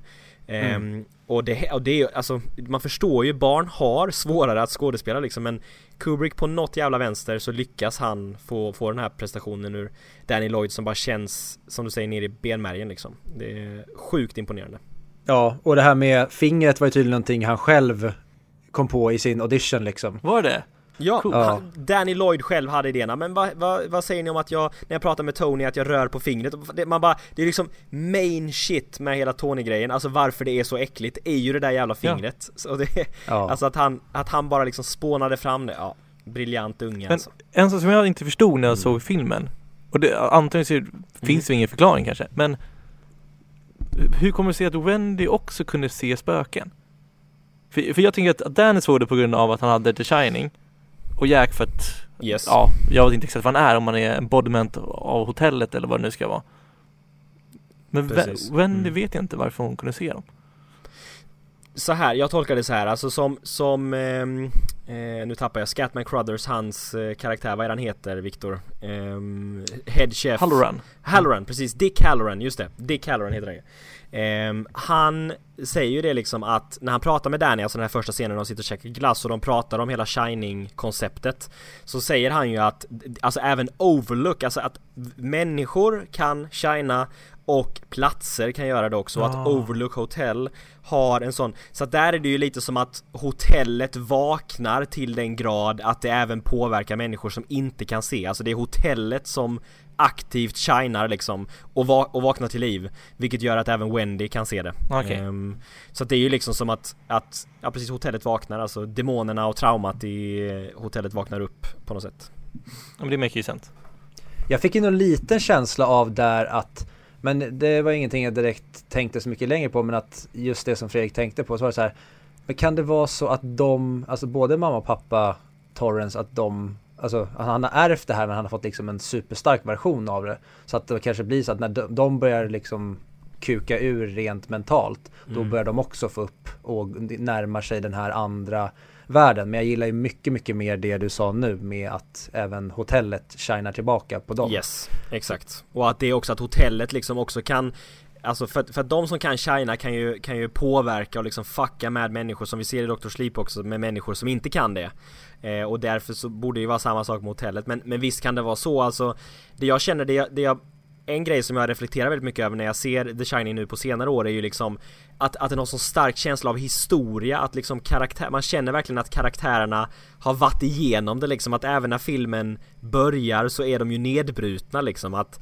man märker Mm. på Wendy att hon liksom så här, hon nervöst röker liksom, hon pratar om eh, Jacks liksom alkoholproblem och allting, hon har ju varit igenom skiten liksom och det är därför han har castat Shelley Duvall också Som ser ut som att hon är på väg mot nervsammanbrott liksom Bara hon yttrar ett ord, alltså Så att, så att jag, det känns ju som att mycket möjligt alltså att även Wendy kan så här ta åt sig trauma liksom eller shina på något sätt men att hon kanske inte är medveten om det för annars tänker jag att det hade varit en dead giveaway om Wendy vet hur Shining fungerar då hade hon ju förstått att Tony inte är en vanlig Mm. låtsaskompis liksom utan att Tony är någon form av yttring av The Shining liksom Mm. Ehm, Absolut. Så att jag tror att, ja och det, det känns i filmen ändå som att Wendy tror att Tony är liksom att hon ändå köper det hon själv säger till Alltså att det är en låtsaskompis eh, som, Och att det är Danny Mm. själv liksom det är därför han inte vill åka till hotellet för han vet att det också är en Exakt. shining ställe. Yes, precis. Att han, han Ja. alltså Tony eller liksom Dannys Shining kan ju kommunicera med Overlook Hotel och känner redan där liksom traumat och spökena och demonerna liksom som Overlook innehåller. För- Ehm, så att det är ju det är För därför. en, en av mina absoluta favoritscener, om jag får gå in på det snabbt, det, det är ju när, Absolut, när, när Jack kliver in i salongen och sätter sig vid baren. Och sen helt plötsligt är det Mm. bartender där. Älskar den scenen. Yes, ja underbar. När han tittar rakt in i kameran och bara Hi Lloyd eller vad det är han säger alltså Lloyd är det ju eh, Ja. Ja. Barten helt, helt, alltså underbar. Allting i The Gold Room, eller det här liksom ballroomet i eh, Overlook är helt fantastiskt tycker jag. Alltså varenda jävla sekvens, alltså hur de har byggt det rummet och ja, magnifikt. Alltså och just den scenen när han liksom, det finns inget Ingen alkohol på hela hotellet men han liksom Han är så nere i skiten att han liksom Han materialiserar whisky liksom så att han ska kunna dricka där och liksom bryta sin eh, Sin, sin nykterhet Ja, fantastiskt Ja. Och även, även där är ju referens till indianmarksaken. Yes. Han säger white man's burden. Exakt Mm.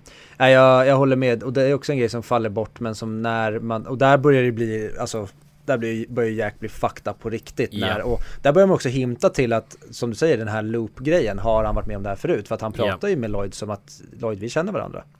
Att, och det är det som, men även det som, för jag har ändå försökt kika på lite svar på den här flera gånger och det är ju lite Kubrick igen, ett nötskal. Det ska inte egentligen finnas så mycket svar utan du Nej. ska mest lämnas med frågor och vara egentligen precis. ligga fakta på huvudet själv och egentligen inte få ihop grejerna för allt är märkligt och det är väl det är därför han Mm. är bäst för att han gör det där många andra försöker göra sånt här men då känner man bara att det är amatörmässigt. Han känns Mm. som att han är inne i din hjärna och bara drar i trådarna och fuckar grejer.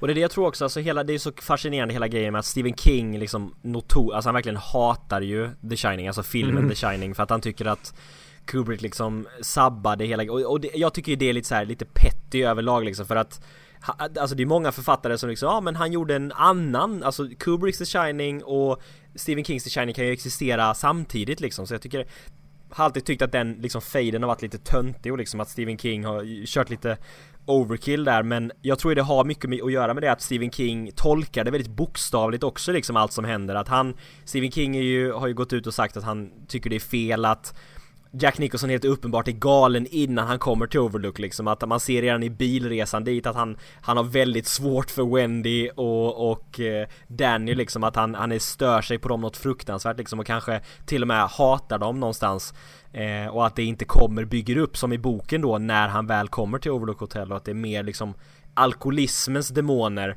på något sätt som, som eh, drabbar honom. Och, och jag tycker det, det, är så synd för att Stephen King Då gör han ju så här dunderbokstavlig tolkning av allting medan Stanley Kubrick verkligen gör mer abstrakt av det att liksom har Jack Torrance varit Har detta skett långt innan och Jack Torrance har varit där hur länge som helst Han har liksom varit fast i Overlook i tiotals år alltså Det finns så mycket där som inte liksom är bokstavligt och det Jag tycker det är så jävla synd att King är så himla töntig kring det där. Alltså mm. att han, ja. han är så överbeskyddande om sin bok att han inte liksom kan se mästerverket The Shining liksom. Ja, trist. Håller med.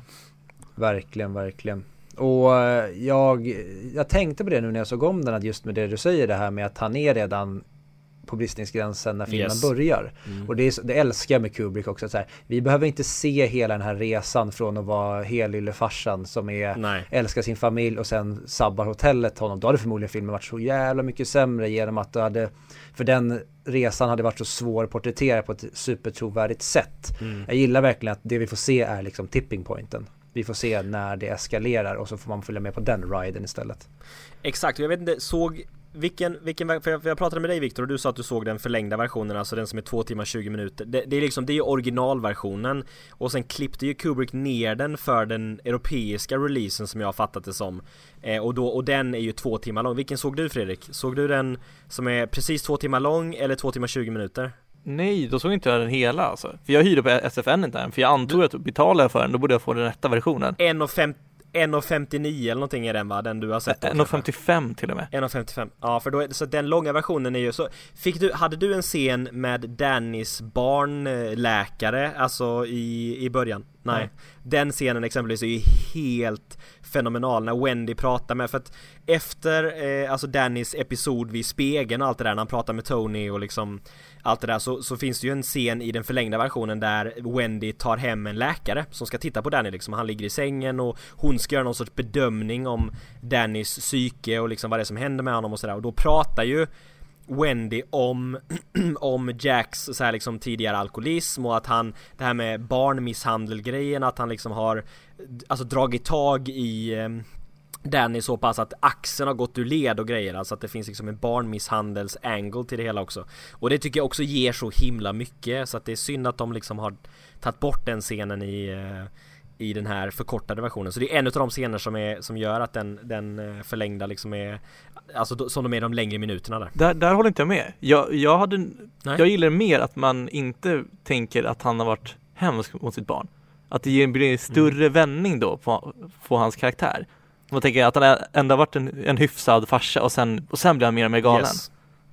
Och där, precis, det, det är ju exakt, det är ju det som Stephen King också säger alltså i boken så är det ju verkligen så alltså det är ju Aha. liksom helyllfarsan, skolläraren som då på grund av overlook, alkoholism och så vidare goes crazy medan i Kubricks film så är det ju för mig mer och mer uppenbart att Jack är ju galen redan från scratch, Aha. alltså han är psykiskt plågad person liksom och ja, och det är det som är frågan då liksom att Har den resan varit in, långt innan filmen liksom? Och det gör ingenting för mig, alltså jag tycker att den Alltså det är inte det som är grejen med filmen för mig att den utvecklingen ska vara så tydlig som möjligt utan grejen för filmen är ju liksom med Danny och The Shining och liksom det gamla traumat i, i The Overlook och så vidare så att, men jag förstår ändå den folk som känner så, alltså lik Stephen King mm. Mm. Jag kan ju ändra mig när jag ser den förlängda och ser den en andra gång också för den delen Det är ju alltid helt andra inblickar man får när man kollar på en film en andra gång skulle jag säga Ja, absolut mm. Och hur, Viktor, hur många gånger har du sett The Shining? Oj, jag vet, jag såg den väldigt mycket ja, under 00-talet när jag var mm. yngre. Men jag, under 10-talet så max två gånger. Mm. Kan det här vara ja, men tredje gången på kanske tio år jag ser den. Okej, okay, något sånt. Mm. Jag kollade mitt, eh, jag, jag, jag, vet ju, du, du använder väl Letterbox också va? Så här loggar, eh, filmer man yeah. ser och så. Jag har använt det sedan 2014. Så jag kollade och det här var ju tredje gången sedan 2014 jag såg det nu. Så jag har loggat den två gånger innan. Och sen har jag ju sett den i alla fall, ja tre, fyra gånger innan. Så att jag tror att fem, sex, sju gånger någonstans där är det väl som jag har sett The Shining. Så jag tror inte jag har sett den över tio gånger eller något sånt där. Men jag har ändå sett den så pass många gånger att man varje gång man ser den alltså att jag verkligen har absorberat filmens språk nu så att varje gång jag ser den så upptäcker jag nya grejer liksom för att jag kan fokusera på andra detaljer. Och jag tycker att den den är liksom oändligt omtittsbar liksom. Den ger nya grejer varje gång liksom som den här gången jag såg den, jag såg den igår kväll inför den här podden och verkligen fokuserade på det här och liksom kände det här med just karaktärernas historik liksom att det är helt uppenbart att de har gått igenom Eh, alltså passion redan innan filmen började och sådär att det fanns väldigt mycket rika grejer där liksom som bara skildras väldigt väldigt um, liksom, alltså undermedvetet och inte i filmens text liksom. Nej, jag håller verkligen med. Jag kan inte säga nog hur mycket jag älskar den här filmen. Och jag är så glad Nej. att den var bättre än vad jag mindes den. Ja, härligt. jag var så rädd för att här skulle vi kunna ha någonting som halkar ner eller någon del som har åldrats dåligt eller vad det än är. Sånt är hemskt. Ja. Men den är verkligen, den var, den var så mycket bättre än vad jag mindes den och mm. den är verkligen Ja, det, ja, jag vet inte riktigt. Vi, vi kanske går in och pratar betyg nu och så får vi alla får säga vad de tyckte. Så att Viktor, gästen Järner, du får eh, äran att börja och då skulle du egentligen kunna sätta, egentligen bara ja, sammanfatta vad du gillar, varför den får det betyget den får. Sätt mm. betyg på en 10-gradig skala eftersom vi kör IMDB. Ja. Och sen så ska du även få placera den då, du försade ju lite tidigare men släng in den i en liksom topp 100-lista om den är hemma på den här listan och i så fall var på listan den mm. är hemma. Eh, alltså precis som jag sagt så The Shining är en perfekt film för mig. Alltså varje gång jag ser den så blir jag mer och mer säker på att det är en av världens bästa filmer som någonsin har gjorts.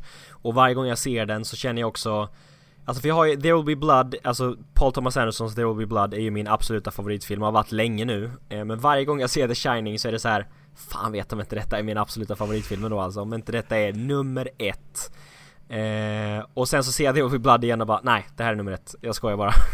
så det är lite av en kamp mellan The Shining och The Over Blood kan man säga. Alltså The Shining nosar sig för varje år längre och längre upp mot plats ett. Eh, och det är ju just för Alltså just perfektionen i den här filmen, allt från liksom scenografi och liksom Alltså Stanley Kubricks bildspråk som alltid är lika fenomenalt Alltså det är ju, det är ju, det är alltid så himla perfektionistiskt och liksom det är ett kyligt filmskapande men på absolut bästa sätt. Lite som Fincher också kan kallas kylig. Eh, och det älskar jag. Det är verkligen min min typ av filmskapande på det sättet. Men sen också koncepten alltså. Hur han tar Stephen Kings berättelse och liksom gör den bättre tycker jag. Alltså jag tycker att han tar de här, det här Shining-konceptet, Overlook-konceptet och verkligen, verkligen klämmer ur det absolut bästa ur det och gör liksom den absolut starkaste, bästa storyn av det. Och sen skådespelarprestationerna, verkligen uppskruvade till max, som vi sa, over the top, men jag älskar det. Alltså alla tre tycker jag gör fantastiska prestationer. Så det är en film som ger mig väldigt mycket att tänka på, som verkligen har hängt med mig och som jag tänker på ofta och som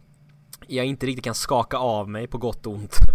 um, så att det är The Shining för mig och det är, alltså det, det finns inte, alltså, inte en chans i världen att jag inte sätter 10 av 10 på den. Alltså det är, skulle jag kunna sätta en 11 eller en 12 så hade det varit en 11 eller en 12 på The Shining. Och skulle jag placera in den på någon form av IMDB-lista då så blir det väl två då helt enkelt. Alltså att för att min nummer ett, The Will Be Blood, nummer två landade The Shining på. Så att jag tycker att plats 61, vad i helvete, på tok för lågt. Upp med dem, upp med de andra Kubrick-filmerna också. Vi snackar kanske, vi kanske skulle in 2001 Doctor Strangelove och The Shining på topp 10 eventuellt. Samtliga utav de tre. Om jag skulle få bestämma. Så att eh, det är där jag, så känner jag om The Shining. Kul! Viktor, vill du ta din innan jag avslutar med ja. mitt betyg?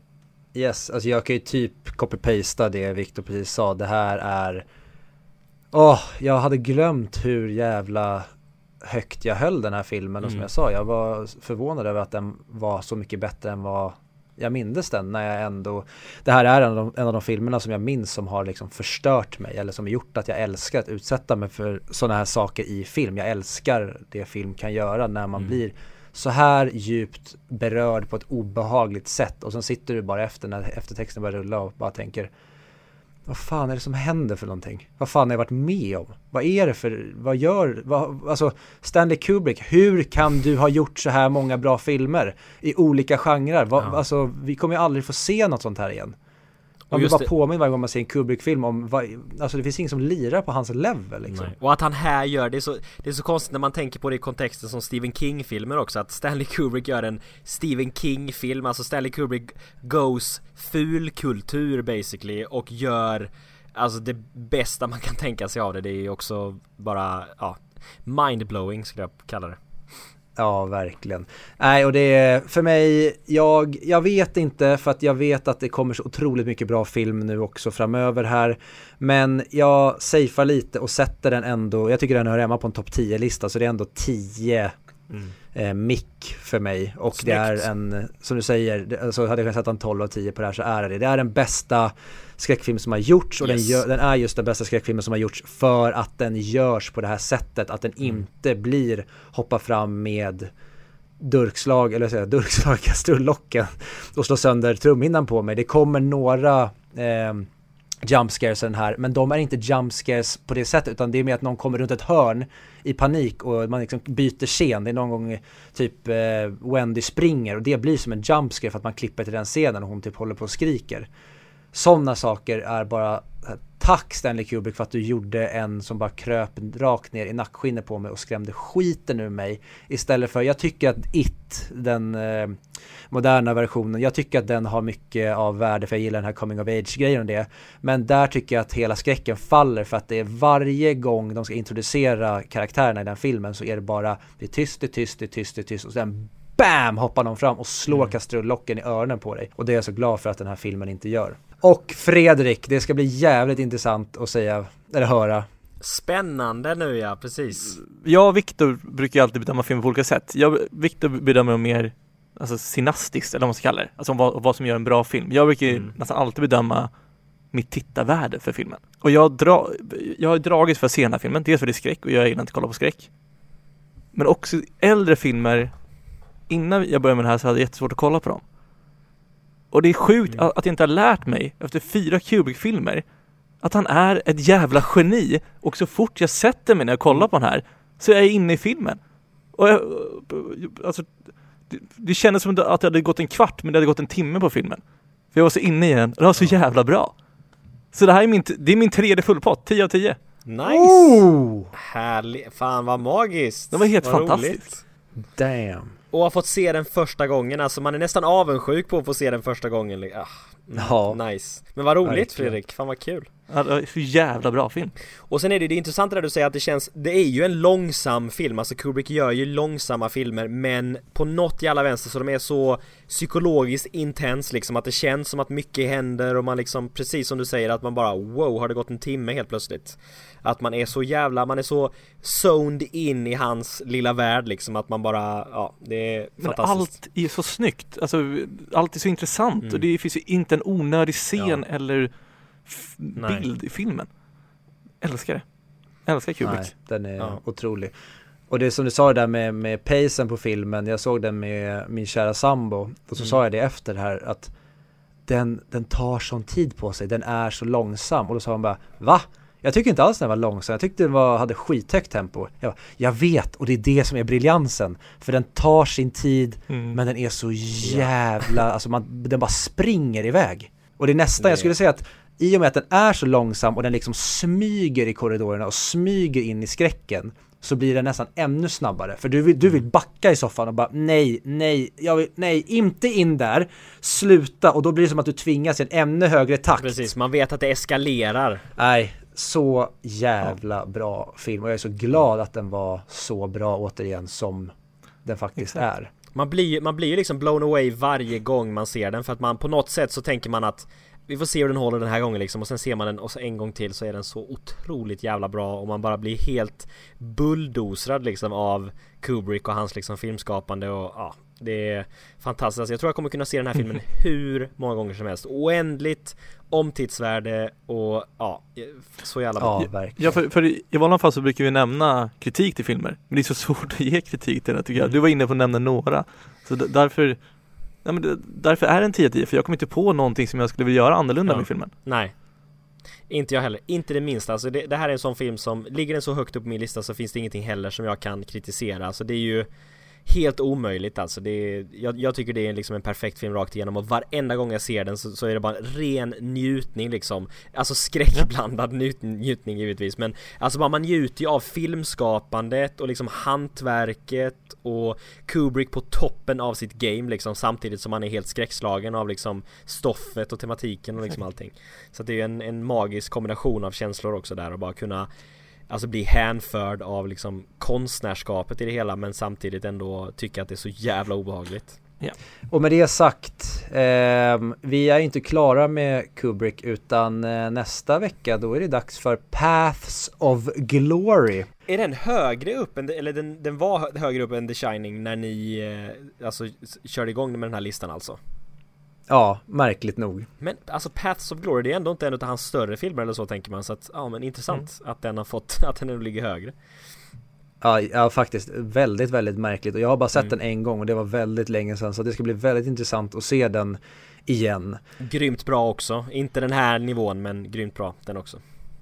Ja, det är så jag minns den. Och eh, för er som vill se den så går den endast att hyra på iTunes. Oh. Så att eh, det är bara in och plocka hem den för 39 kronor för att Värt. sen hänga med på vad jag tror är den sista Kubrick-filmen på listan. Fy fan vad illa det är att det inte finns Kubrick-filmer högre upp. Alltså det är... Ja, jag kommer sakna det... honom. Ja, jag förstår det. Ja men verkligen. Men det tycker jag nästan är som, det känner, man känner sig lite skitnödig så här, man, man kan vara lite allergisk mot mainstream ibland och så men det känns ändå lite bra att den, han ändå inte är där uppe bland de här absolut högst rankade filmerna. Att det finns ändå människor som inte förstår honom eller bara ja, men tycker att det är inte så stort som uppenbarligen vi tre tycker. Men det, det finns någonting som kittlar där hos mig. Mm. Mm. Alltså, ja, precis, det har du rätt i. Jag har inte riktigt tänkt på det så, men absolut. Att det finns en filmskapare som har någonting liksom, som verkligen har det och, och skapar film på, på någon form av högre plan. Alltså de kan ju inte Alltså tillfredsställa alla, så är det ju. Det är ju den typen av filmskapande som kanske är det mest ointressanta egentligen. Det som tillfredsställer alla. Följ oss på sociala medier. Där heter vi 100 Mic Podcast på Facebook, Twitter och Instagram. Och eh, allt positivt kan ni mejla till 100micpodcast.gmail.com och allt hat kan ni mejla till filmmixen.gmail.com ifall vi var otydliga med det. Yes. Eh, och vi vill eh, tacka som fan för att du var med Viktor. Det var svinroligt att ha med dig och snacka The Shining. Tack. Detsamma. Tack så jättemycket för att ni bjöd in mig, det var jätteroligt. Som sagt, vi, vi får inte chansen att prata så mycket äldre film i filmmixen så det var jätteroligt att få snacka om en, verkligen en favorit som ligger nära hjärtat. Ja, och jag vet inte om vi har sagt det on air till våra tidigare gäster, men eh, annars så säger vi det nu igen. Har du någon mer film som du eh, älskar väldigt mycket och du känner att du vill snacka med mer gammal film så är det bara att du hör av dig så kör vi ett avsnitt till. Det är bara du... kul när det blir fler då och då än jag och Fredrik som snackar. Jag ska lätt kolla in listan och se lite vad ni har kvar framöver och se om det är någonting som jag skulle vilja komma in och hylla skiten ur. Kul! Och, men glöm inte att uh, gå in och lyssna på filmmixen också. Framförallt avsnittet Wolf of Wall Street. Det hört ju väldigt bra och lite intriger i. Precis. Verkligen ett, ett bråkigt avsnitt. Och om man vill höra något bråkigt avsnitt ska man lyssna på Wolf of Wall Street. Nej men det får ni jättegärna göra som sagt. Det är ju min och Patriks, eh, Patrik Linderholm. Vi gör en filmpodcast tillsammans och den finns ju i valfri poddapp eller på Moviescene som vi samarbetar med så kan man hitta den där också. Senaste avsnittet om Chris Nolan inför Tenet-releasen så kolla in det om ni är sugna på att höra lite spridda skurar om Mr Nolan mm. också. Hatmail. Oh. Ja. ja. Hatmail, hatmail. Filmixen.gmail.com. Vi hörs. Kanon. Men vad bra. Eh, då hörs vi nästa vecka alla kära vänner när det är dags för sista Kubrick-filmen. Nu kommer det säkert vara fel, det kommer vara någon som är högre upp på listan. Men vi säger det så att på återseende. Mm, ha det bra. Ha det fint. Hej, hej. Hej.